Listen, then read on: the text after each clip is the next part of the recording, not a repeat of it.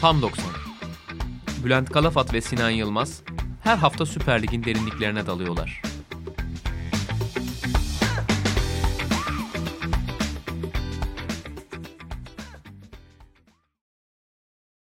Sokrates Podcast'ten hepinize merhabalar. Tam 90'da sezon finaliyle sizlerle birlikteyiz. Her hafta olduğu gibi Sinan Yılmaz'la birlikte Tam 90'da. Selam Sinan nasılsın? Selam Bülent.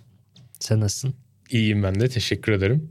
Dün akşam e, oynanan playoff'la Bandırmaspor ile İstanbul arasında oynanan playoff'la Süper Lig'e çıkan son takımda belli oldu. İstanbulspor 2-1 kazanarak Süper Lig biletini aldı. Böylece şöyle enteresan bir trend oluşmuş oldu. Belki de çok enteresan değil bu ama doğrudan çıkmayı başaran iki takım Ümraniyespor ve Ankara Gücü ile İstanbulspor sezonun neredeyse tamamında aynı teknik direktöre çalışmış ekipler. Ankara Gücü'nün teknik direktörü Mustafa Dalcı ve Ümraniyespor'un teknik direktörü Recep Uçar zaten sezon başında takımların başındaydı.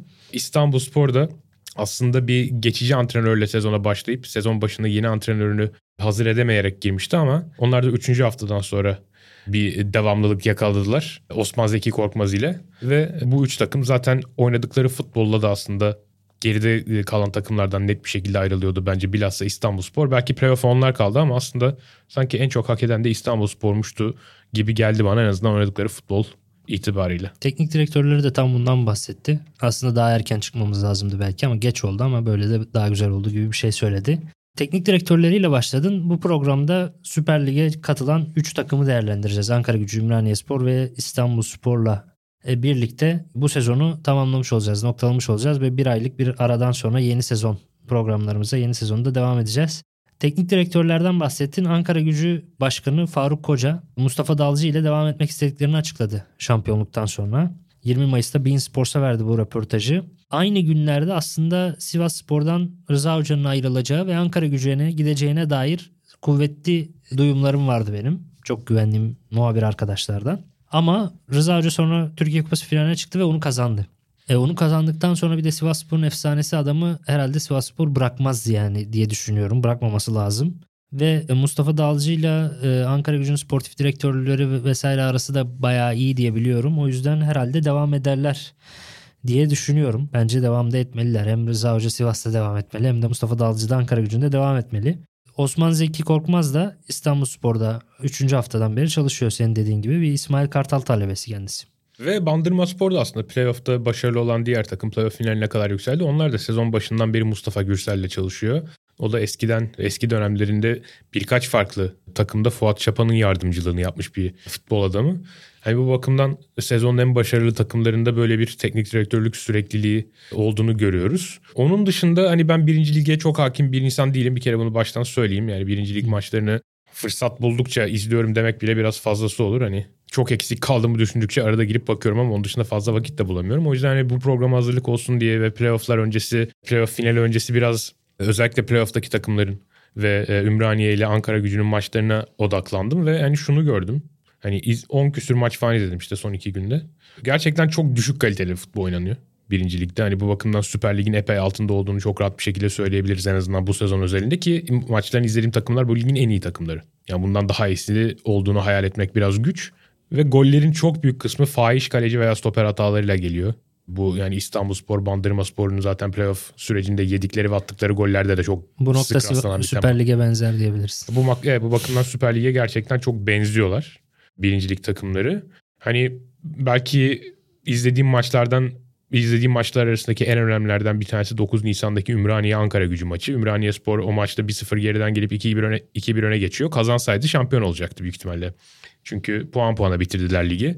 Ama iki maçta da Ankara gücünü yenemedi Ümraniye Spor. Bir beraberlik bir kere de yenildi. İşte bu berabere kaldığı maç 2-1 önünde Ümraniye Spor. Ankara gücü 60 dakikaya yakın 10 kişi oynuyor bu arada maçta. Onu da söylemek lazım. Ama mesela 2-1 iken Ümraniye Spor 2-1 iken Akın Alkan'ın bir degajını mesela Glumaç ve Alim ikilisi çok amatör bir şekilde yere indiriyorlar, karşılayamıyorlar ve kalecinin degajından seken top Ankara gücün 2-2'lik 2-2'yi kaçırdığı gol pozisyonuna falan dönüşüyor. Yani bunlar gibi sayısız örnek var. Ama birinci ile ikincinin arasındaki maçta da oluyor bu. O yüzden Ümraniye Ankara gücü maçındaki örneği anlatmayı tercih ettim. Yani o bakımdan bilgi edinmek ve yani bir şeyler öğrenmek adına keyifli oldu ama hani bu takımlar ligde Süper Lig'de önümüzdeki sezon ne yapar? Ne kadar güçlü takımlar? Veya hani birinci ligdeki futbol ne vaat ediyor falan gibi soruların yanıtları biraz Bu sene Üzücü birincilik oldu. hayal kırıklığına uğratmış seni. Ben de uzun süredir birincilik takip edemiyorum bu ara. Bir ara iyi takip ediyordum da ondan sonra çok uzun süredir ben de senin gibiyim. Birincilikten biraz uzağım ama e, dediklerini anlayabiliyorum Bir de domine, konusunda. domine eden bir takım da çıkmıyor uzun süredir. Evet. 2018-2019'dan beri maç başına 2 puan alan bir takım çıkmıyor mesela. 1.9 ortalama aşağı yukarı yetiyor. Bu program e, bu sezonda da aynı şey oldu. Hani en son bir Denizli Spor sanırım 2 puan barajını aşabilmiş. Hani kalite çok düşük olsa da o kaliteden sıyrılıp kendi farkını ortaya koyabilen bir takımda pek olmuyor. Benim İstanbul Spor'u zaten biraz daha fazla beğeniyor olmamın sebebi o. İlk 5-6 sıradaki takımların oynadığı futbolun seviyesi olarak çok bir fark yok. Skorlar olarak çok bir fark yok ama daha derli toplu gözükme, daha organize gözükme, daha böyle takımdaki oyuncuların birbirinin ne yaptığını bilmesi bakımından sanki İstanbul Spor biraz daha tatmin eden bir takımmış gibi geldi. O yüzden ben sanki onlar playoff oynamamalıydı da daha erken işlerini işlerini halletmelilermiş gibi geldi bana. Katılıyorum sana. E, Daha az parayla kurulmaları da orada net bir şey. Yani kadro kalitesi olarak da onlardan çok daha iyi takım da çok vardı. Ama bir teknik direktörün şampiyon yaptığı takım olarak İstanbulspor'u söyleyebiliriz. Bu belki gelecek sezon Süper Lig'de kalma adına da belki biraz onları avantajlı hale getirir ama bir dezavantajlı oldukları tarafta Osman Hoca maç sonu açıklamasında yine çok fazla transfer yapmayacağımız, skorlara değil oyuna odaklanacağımız bir şey ol, sezon olacak Süper Lig'de de dedi. E bu iyi tabii. Belki Giresun gibi bir takım daha görebiliriz. E bu sene İstanbulspor öyle olabilir. Ama tabii ekonomik açıdan nasıl bir durum olacak? Akisar bunu yapmıştı ve Süper Lig'de uzun yıllarda tutundular. Çok az para harcayıp Süper Lig'de kalabildiler. Yani bir, bir alt ligden çıkardığı kadroyu korumaya çalışmıştı onlar. Ankara gücüyle başlayalım. Üç takıma değinelim. Ankara gücünün yeniden Süper Lig'e dönmesi güzel.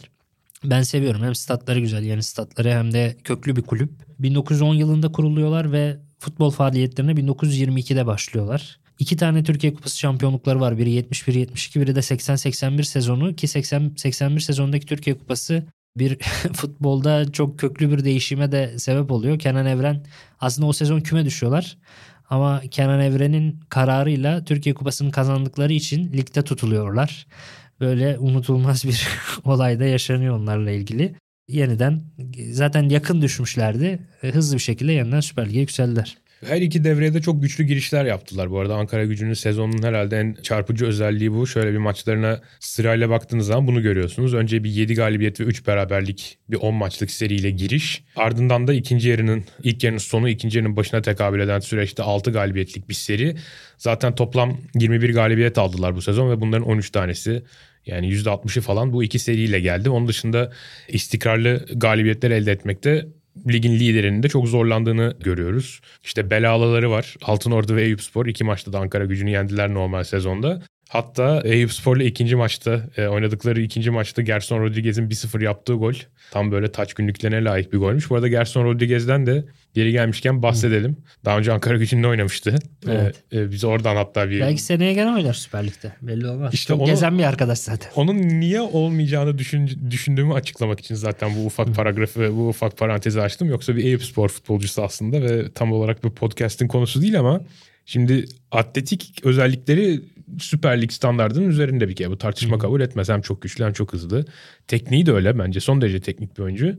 Böyle bir oyuncu nasıl mesela Ankara gücü Dinamo Kiev İstanbulspor diye bir Eyüp kariyer Spor. gidişatı nasıl oluyor? Ee, özür dilerim Ankara gücü Dinamo Kiev Eyüpspor gibi bir ka- kariyer gidişatı nasıl olabiliyor falan diye düşündürtüyor insana ama Ya bu Ee, son savaş çıktı. Till'le birlikte, Oliver Till'le birlikte Eyüpspor'a şeyde geldiler. Devre arası transferi kapandıktan sonra özel izinle gelebildiler. O biraz çok ekstra oldu ama Doğru, yani istisnai bir durum ama talipleri arasında en azından Eyüpspor'dan biraz daha yüksek profilli takımların olmayışı insanı çok şaşırtıyor. Çünkü sahada gösterdiği bazı şeyler gerçekten etkileyici fakat yani o kadar zihinsel olarak o kadar fazla sorunu var ki maça da yansıyor işte gereksiz itirazlar, gereksiz fauller, çok zor bir şey yaptıktan sonra çok basit top kayıpları falan onları izleye izleye şeyi görüyorsun. Yani bu, bu oyuncuyu izleyen scoutlar ya da işte bu oyuncuyu düşünen teknik direktörler falan karar verme yetkisine sahip insanlar büyük ihtimalle bunları gördükten sonra 3-4 kere düşünmeye başlıyordur. Çünkü Peki- çok yetenekli bir oyuncu. Ankara gücü nasıl düşmüş de- dedin mi bu sene mesela Gerson Rodriguez söyledin. Konrad Mihalak Konyaspor'da çok önemli işler yapıyor. Düşen Ankara gücünün elemanı. Sabalo Bielitse Bielitse.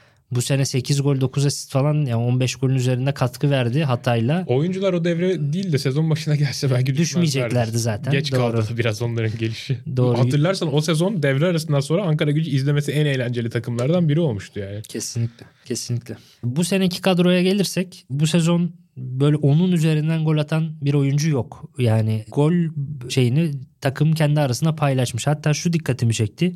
İki stoperi Yusuf Abdioğlu ve Sinan Osmanoğlu'nun bayağı golcü bir sezon geçirdiğini görüyoruz. Yusuf 6 maç 6 gol 3 asist. Sinan Osmanoğlu da 5 gol 3 asist gibi çok ekstra gol katkıları vermiş ama zaten ondan fazla gol atan yok. İşte Eren Derdi yok falan var 10 gol atan. Ama burada da duran toplarda fark yarattıklarını söyleyebiliriz. Doğru orada gözler hemen 9 duran top asistiyle ligde eşsiz bir konumda yer alan Sabek Erdem Özgenç'e dönüyor tabii. Erdem Özgenç de Süper Lig izleyenler için de çok tanıdık. Karabük Spor, Bursa Spor gibi takımları var.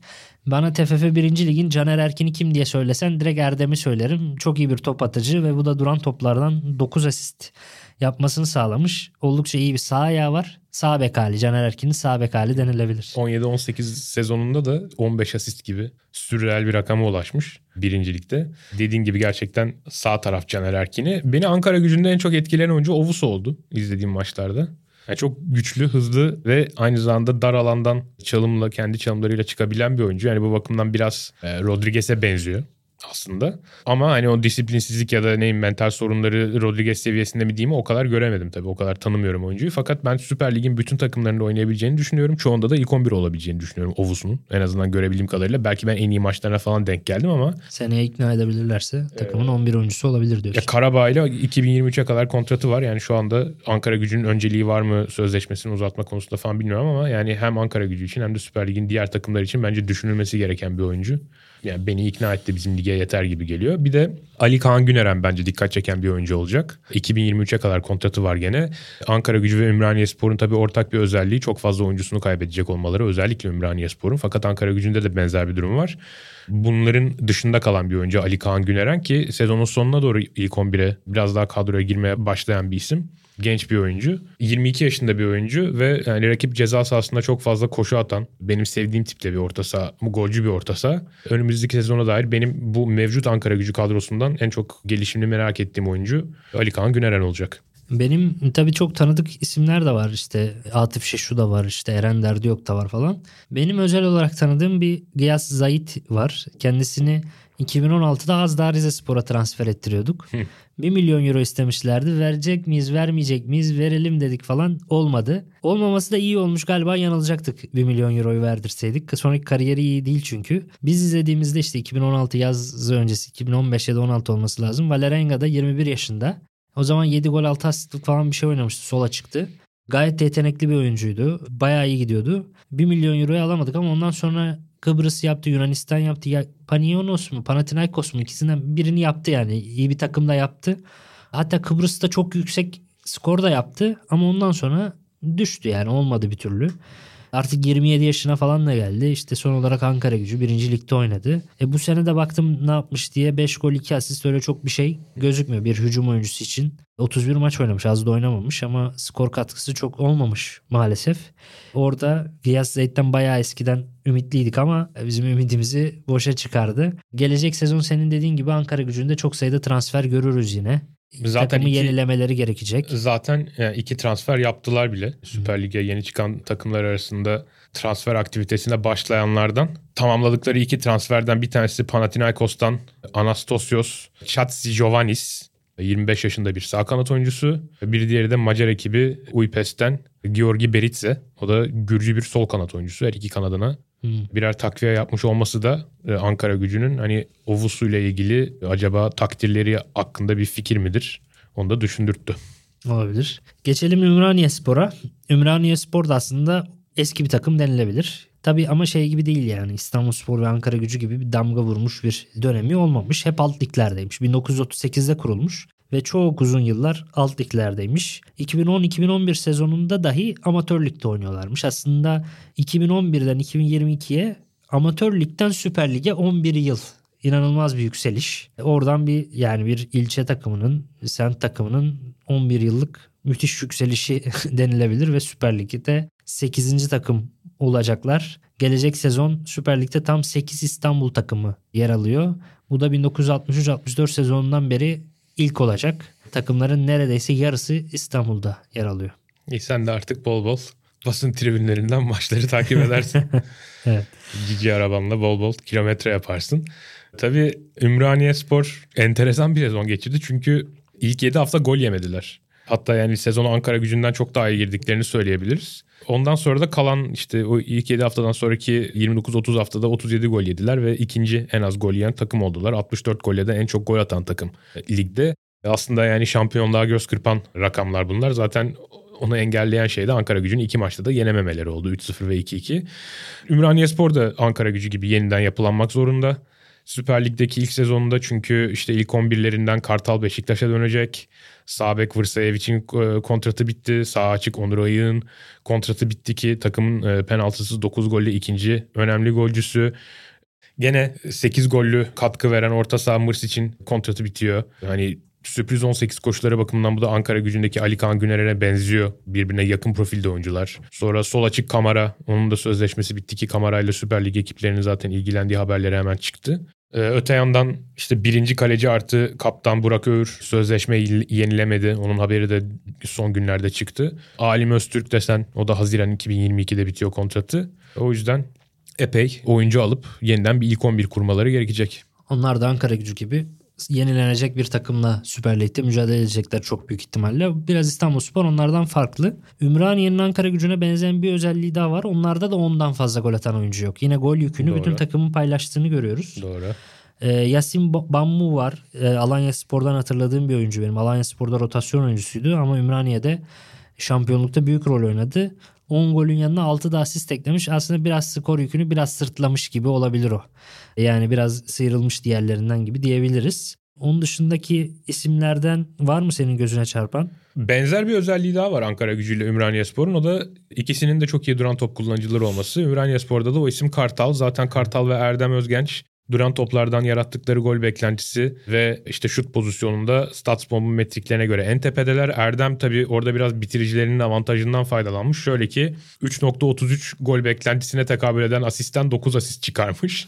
Kartalsa 2.84'ten 4 asist çıkarmış. Burada iki takımın da hani duran top etkinliğinin önemli rol oynadığını görüyoruz. Onun dışında hani Kartal tabii ki Ümraniye Spor bünyesinde hani Süper Lig'e en fazla enterese eden oyuncu. Çünkü seneye Beşiktaş kadrosuna geri dönecek. Hani bu sayede ben de Kartal'ı ilk Ümraniye Spor kiralık sezondan sonra bir kere daha izleme şansı buldum. Ee, biraz onunla ilgili sabitleşmiş fikirlerimi bir gözden geçirme şansım oldu. Yani şunu gördüm Üçüncü bölgede akan oyunda benim daha önceki Kartal Kayra Yılmaz gözlemlerime göre biraz daha aktif, biraz daha rakip yarı sahada görüyoruz onu ama hala bir iki stoperin önünde oynayan 6 numara oyuncusu olarak savunmada çok fazla zaaf yarattığını görüyorum.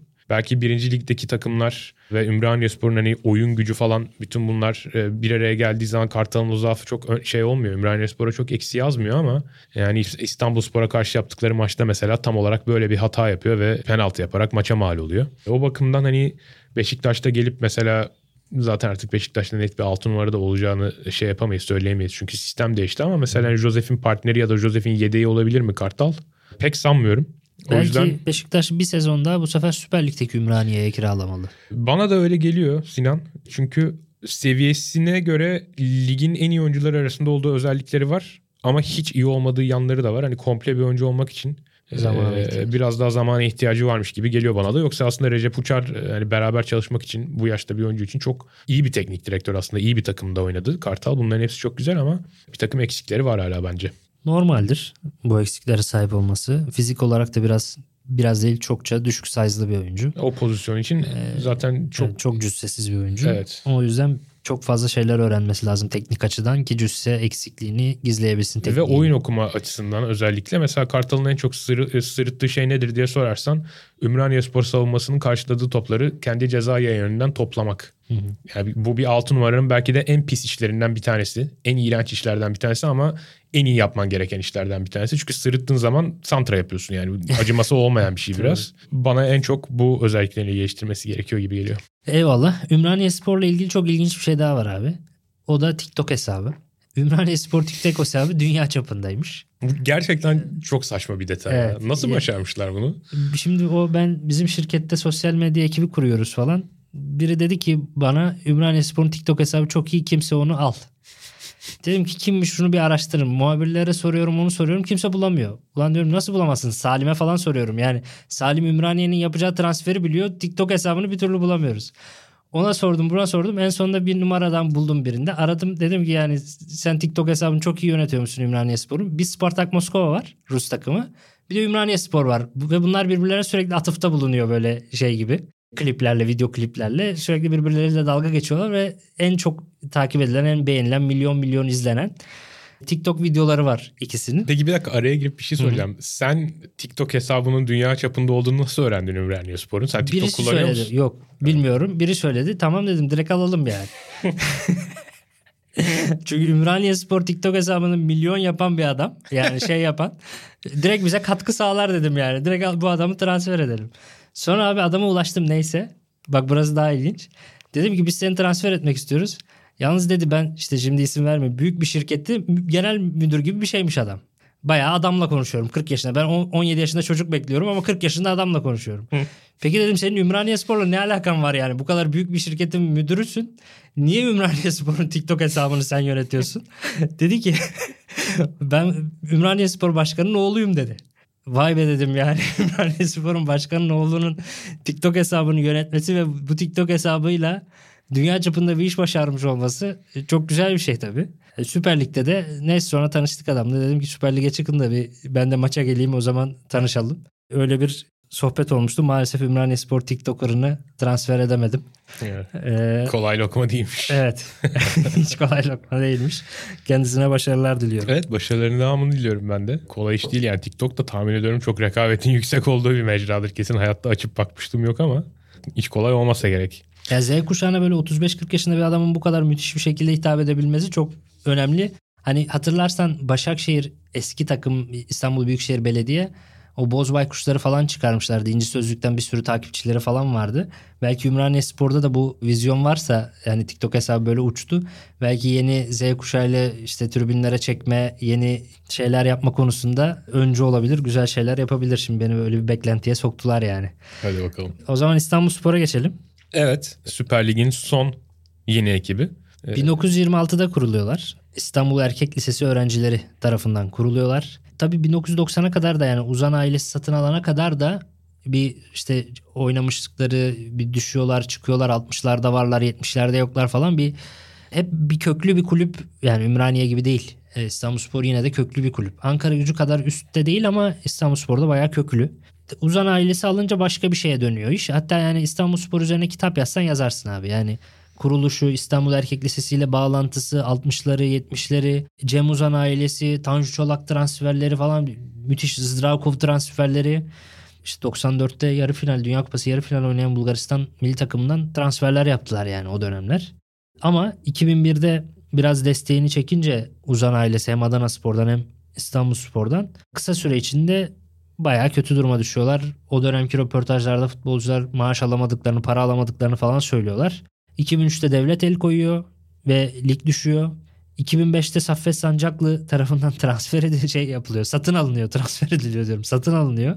2007'de Ömer Sarı Alioğlu ile yeni bir aileye geçiyor ve biraz düşüşleri devam ediyor ama 2010'lu yılların ortasına kadar da 3. lig seviyelerinde devam ettikten sonra 14-15'ten itibaren de ciddi bir yükselişe geçiyorlar ve artık Süper Lig'deler. Ben şeyi hatırlıyorum Bülent. İkinci ligde oynarken çok farklı bir futbol oynuyorlardı. Bu Denizli Spor'un eski hocası neydi adı unuttum. Yalçın Koşukavak. Yalçın Hoca'yla. Yalçın Koşukavak'la ilginç bir oyun oynuyorlardı. 4-3-3 oynuyorlardı ve Hani bugünkü aslında oyuna benzer bir oyun oynuyorlardı. Topa sahip olma futbolu. Bu sezon da öyle çıktılar e, Osman Zeki Hoca ile birlikte. Hatta bugün Hatay Spor'da oynayan Onur da Regista rolünde oynuyordu o ikinci lig takımında. Galiba benim izlediğim sezon maçlarına da gitmiştim ikinci ligdeyken hatırlıyorum. Galiba playoff'ta mı çıkamamışlardı öyle bir şeydi ama biraz geç oldu ama Süper Lig'e çıktılar. Yine benzer bir futbolla çıktılar. Güzel futbol oynayarak çıktılar ve bence playofflarda da e, hak ettiler yani. Bandırma'nın ben e, biraz daha İstanbul'dan bu kadar takım olmasın, biraz daha farklı şehirlerden takım olsun diye bir başta Bandırma'yı istiyordum ama ondan sonra maçı izlerken İstanbulspor'un hak ettiğini düşündüm ve İstanbul'u tutmaya başladım yani. Hak eden de kazandı gibi oldu. Bence de öyle çok net bir şekilde sezonun tamamına bakıldığı zaman yani bu takımlar arasından İstanbulspor'un mutlaka Süper Lig'de olması lazım dersin. Ki ligin hani dominant futbol karşılığı olarak kabul edilen bazı metriklerinde lideri işte topa sahip olmada %55'i geçen tek takım olmuşlar. PPDA'da 6.63 ile ligin açık ara liderleri yani topu yani rakibin e, topu ayağında tutmasına en az izin veren takımlardan bir tanesi hemen baskıya başlayan takımlardan bir tanesi. Her ne kadar Bandırma'yla oynadıkları playoff finalinde pek böyle başlamamış olsalar da maça ve maçın ilk yarım saatinde top Bandırma'da çok daha fazla kalmış olsa da ben onun maç özelinde bir taktik olduğunu düşünüyorum. Belki Bandırma'nın topu ayağında tutarak iyi işler yapamayacağını biliyorlardı ve biraz onları çaresiz duruma düşürmek için topu daha fazla bırakmayı tercih etmiş olabilirler ki zaten Süper Lig'e çıkan 3 takım arasında net bir golcüsü olan tek takım da İstanbulspor. İbrahim Yılmaz normal sezonda 15, işte playoff'ta kupayla falan 20 golü bulan bir sezon çıkardı ve oynadıkları futbol ve elde ettikleri başarıdan belki de daha önemlisi. Kontratı biten yalnızca iki tane oyuncusu var İstanbulspor'un. Bir tanesi kaleci Alperen Uysal.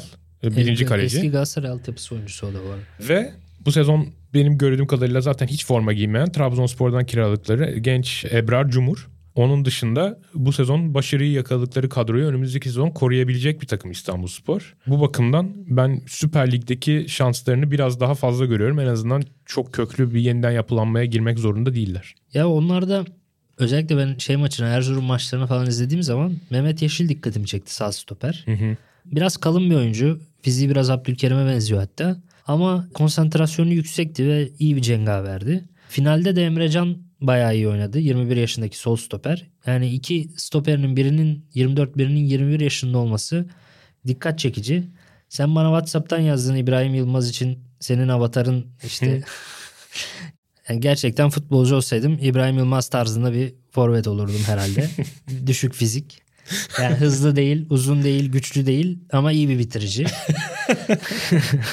Ve yetti bu gerçekten. Gol kralı olduğu takımı da lige Süper Lig'e çıkardı ama bu fizikle Süper Lig'de etkili olabilir mi bilmiyorum. Bizim Süper Lig'de etkili olan bütün neredeyse bütün santrforlar üstün fizikli. Çok uzun veya çok hızlı Muleka gibi. Hep güçleriyle oynuyorlar. Bir Umut Bozok ayrılıyordu. Yeni bir Umut Bozok inşallah olur İbrahim. O biraz dikkatimi çeken isimlerden bir tanesiydi. Tabii Ümraniye ve şeye göre Ankara gücüne farklı olduğunu söyledik. Daha düşük maliyetlerle kurulduğunu, daha Akisar gibi, geçen seneki Giresun gibi düşük maliyetlerle kurulup yapacaklarını, kadronun büyük bölümünü koruma ihtimallerinin bulunduğunu söyledik. Bunlar dışında diğer dikkat çeken isimlere de sen değin istersen. Yani takımın tabii ön üçlüsü son derece sağlam bir sezonu geride bıraktı. Sol açık Valon Etemi, işte Santrfor İbrahim Yılmaz ve e, sağ açık Jetmir Topalli. Bunların da zaten hepsi 2025-2026'ya kadar kontratı bulunan oyuncular. Tabii Jetmir Topalli burada çok dikkat çekici. Kendisi aslında Yeni Malatya Spor'un bir transferiydi geçtiğimiz evet. sezon. Hiç Ben faydalanmadılar. Gayet iyi bir oyuncuymuş Evet. aslında. Ben de Ee, oynadığı Türkiye Kupası maçlarını hatırlıyorum. Malatya'da da beğeniyordum o çocuğu. Çünkü fiziği iyi, çabuk, hızlı bir oyuncu Evet. ve da- çok dayanıklı, kolay yorulmayan bir oyuncu. Biraz tekniği herhalde e, eksik kalabiliyor zaman zaman. Öyle gözüküyor ve yani golü ve asistiyle beraber toplam 15 gole katkı yapmış. E, Statsbomb'un da birinci ligdeki kanatları işte kale alarak oluşturduğu radarına göre yani ligin pek çok hücum metrinde en iyi, en iyiler arasında bulunan kanatlarından bir tanesi. Hani bu da işte yeni Malatya Spor'un nasıl saçma sapan yönetildiğini, nasıl bir transfer enflasyonu yaşayıp ondan minimum derecede faydalanmayı başardıklarını gösteren bir oyuncu bence Jetmir Topalli. Onu, da önümüzdeki sezon Süper Lig standartlarında bakalım bu performansın ne kadarını taşıyabilecek. Onu görmek enteresan olacak benim için. Bir de sol beklerini ben beğeniyorum. İstanbul Spor'da Ali Yaşar sol bekte oynuyor. 2025'e kadar onun da kontratı var. Kendi sol bek özellikle sıkıntılı bir mevki. Oraya kadar 3-4 yıl sorunsuz olacak olmak da bence onlara avantaj sağlayacak ki Ali Yaşar'ın ben hücum bağlantılarında Süper Lig standartlarının üzerine çıkabilecek bir bek olduğunu gördüm. Çok az maç izlememe rağmen. Onlar da hücumda yaptığı pas bağlantılarını falan beğendim. Savunması hakkında çok bir fikrim yok ama e, İstanbulspor'un önemli bir kozu olacak bence. Yani bir de şu da dikkat çekti. Valon Etemi olsun, Roka olsun, Topalli olsun. Onlar da biraz Konya Spor modeli Balkan transferlerine yönelmişler. Balkan'dan tabii daha ucuza getiriliyor. Çok düşük seviyeliklerden işte Bosna Hersek Ligi'nden falan ve Arnavut Ligi'nden oyuncular çok ucuza gelebiliyor. Herhalde öyle bir transfer stratejisi de önümüzdeki sezonda da görebiliriz diyelim. Başka var mı not? Hani başka bir notum yok. Aslında hani Bandırma Spor'a dair de tabii pek çok not almıştık. Belki onlar çıkar diye. Ya Kenny'e değinilmeye değer mesela. Kenny'e değinilmeye değer kesinlikle çok üst düzey bir atlet hemen fark yaratıyor. Yani çok çabuk sıyrılıyor sahadaki diğer oyunculardan. Ki hani stats bomb metriklerine göre Bandırma Spor'un geride kalan sezonda ligin gol beklentisi bakiyesinde lider takım olmasında bence çok önemli bir payı var. Kesin. Yani penaltılar dahil artı 16'lık bir fark yaratmışlar verdikleri ve ürettikleri gol beklentisinde. Buna yaklaşabilen bir iki takım var sadece. Bir de bu çocuk nereye gitti? Böyle bir çocuk vardı da ondan sonra adını hiç duymamaya başladım dediğim Mehmet Özcan'ı bul, bul, buluverdim Bandırma Spor'da. Ve benim cahilliğim olabilir tabii ki. Yani Mehmet Özcan önemli beklentiler olan bir gençti. Hani nereye gittiğini kaybetmek benim tabiri caizse öküzlüğüm biraz ama bir anda karşımda Mehmet Özcan'ı böyle birinci ligin Crespo'su gibi görünce ben çok şaşırdım. Çünkü biraz daha yapıcı, biraz daha böyle üretken bir oyuncu falan olarak ben en azından kendisinden beklentiler öyle öyleydi. Hani Regista gibi bir şey olması bekleniyordu bu çocuğun Eskişehir döneminde. Ve bayağı ligin bütün savunma metriklerinde birinci ya da ikinci sırada olan bir orta sahaya dönüşmüş. Yani maçlarda izlediğim Mehmet Özcan Süper Lig'de Crespo'nun yarattığı etkiyi yaratıyor mu? Hayır. Çünkü Crespo'nları çok daha kritik anlarda ve çok daha ileride yaptığı için takımına hemen hücum olarak geri dönen top kazanımları sağlıyor. Hani Mehmet tam olarak öyle değil ama kendisinde tekrar hani önemli bir rolde, önemli bir başarının eşiğindeyken görmek beni memnun etti. Ya Mehmet Yoksa kaybolup konusunda- giden değerlerimizden yani yeteneklerden bir tanesi o da. Mehmet konusunda bence seni yanıltmışlar biraz beklenti konusunda. Çünkü ilk Eskişehir'de 18-19'da izlediğimde de şey demiştim yani olursa belki yerli Gattuso olur Hmm. diye düşünmüştüm ben. Mücadele gücü ve azmi o zaman da vardı ama teknik ve oyun kuruculukta biraz eksikti. Hmm. Dün de tekrar izlediğim zaman finalde yine aynı gördüm ve 23 yaşına gelmiş artık ve hala teknik olarak hiç gelişmemiş olması üzdü beni. Yani muhtemelen gelecek kariyerinde de belki iyi bir kesici olur ama yapıcılık özellikleri bence hep noksandı. Başlangıçta da noksandı ve hiç ilerletmemiş 4 yılda ama TFF 1. Lig'de yapıcılık özelliği falan ilerletemezsin abi. Evet. Yani onun için çok zor bir lig ama yani Eskişehir'le kontratı bitti yine birinci ligde kaldı. O da biraz sanki tek, e, şeyinin menajerinin ve kendisinin hatası olabilir. Belki mesela Hollanda alt ligleri, Hollanda liginin düşük seviyeleri falan yapsaydı Mehmet en azından yapıcılık özelliklerini geliştirebilirdi. Onu da umarım önümüzdeki sezonlarda geliştirir diyeyim. Bakalım onun kariyeri nasıl geçecek. Ee, Böylelikle hem bölümü sonlandırıyoruz hem de Tam 90'ın ilk sezonunu sonlandırıyoruz. Ağzına sağlık Sinan. Senin de. Teşekkürler ve sizlere de çok teşekkürler dinlediğiniz için. Önümüzdeki sezon Tam 90'ın yeni bölümleriyle tekrar sizlerle olacağız. Çok da uzak değil bu arada önümüzdeki sezon. Bir ay sonra yine Fenerbahçe'nin Avrupa maçları doğru. vesaire derken. Ee, çok uzun bir arada olmayacak. Ee, orada tabii transferler transferler derken takımların yeni şekilleri oluşturacak. Bakalım belki Galatasaray da araya bir iki tane sıkıştırır başkan seçebilirse.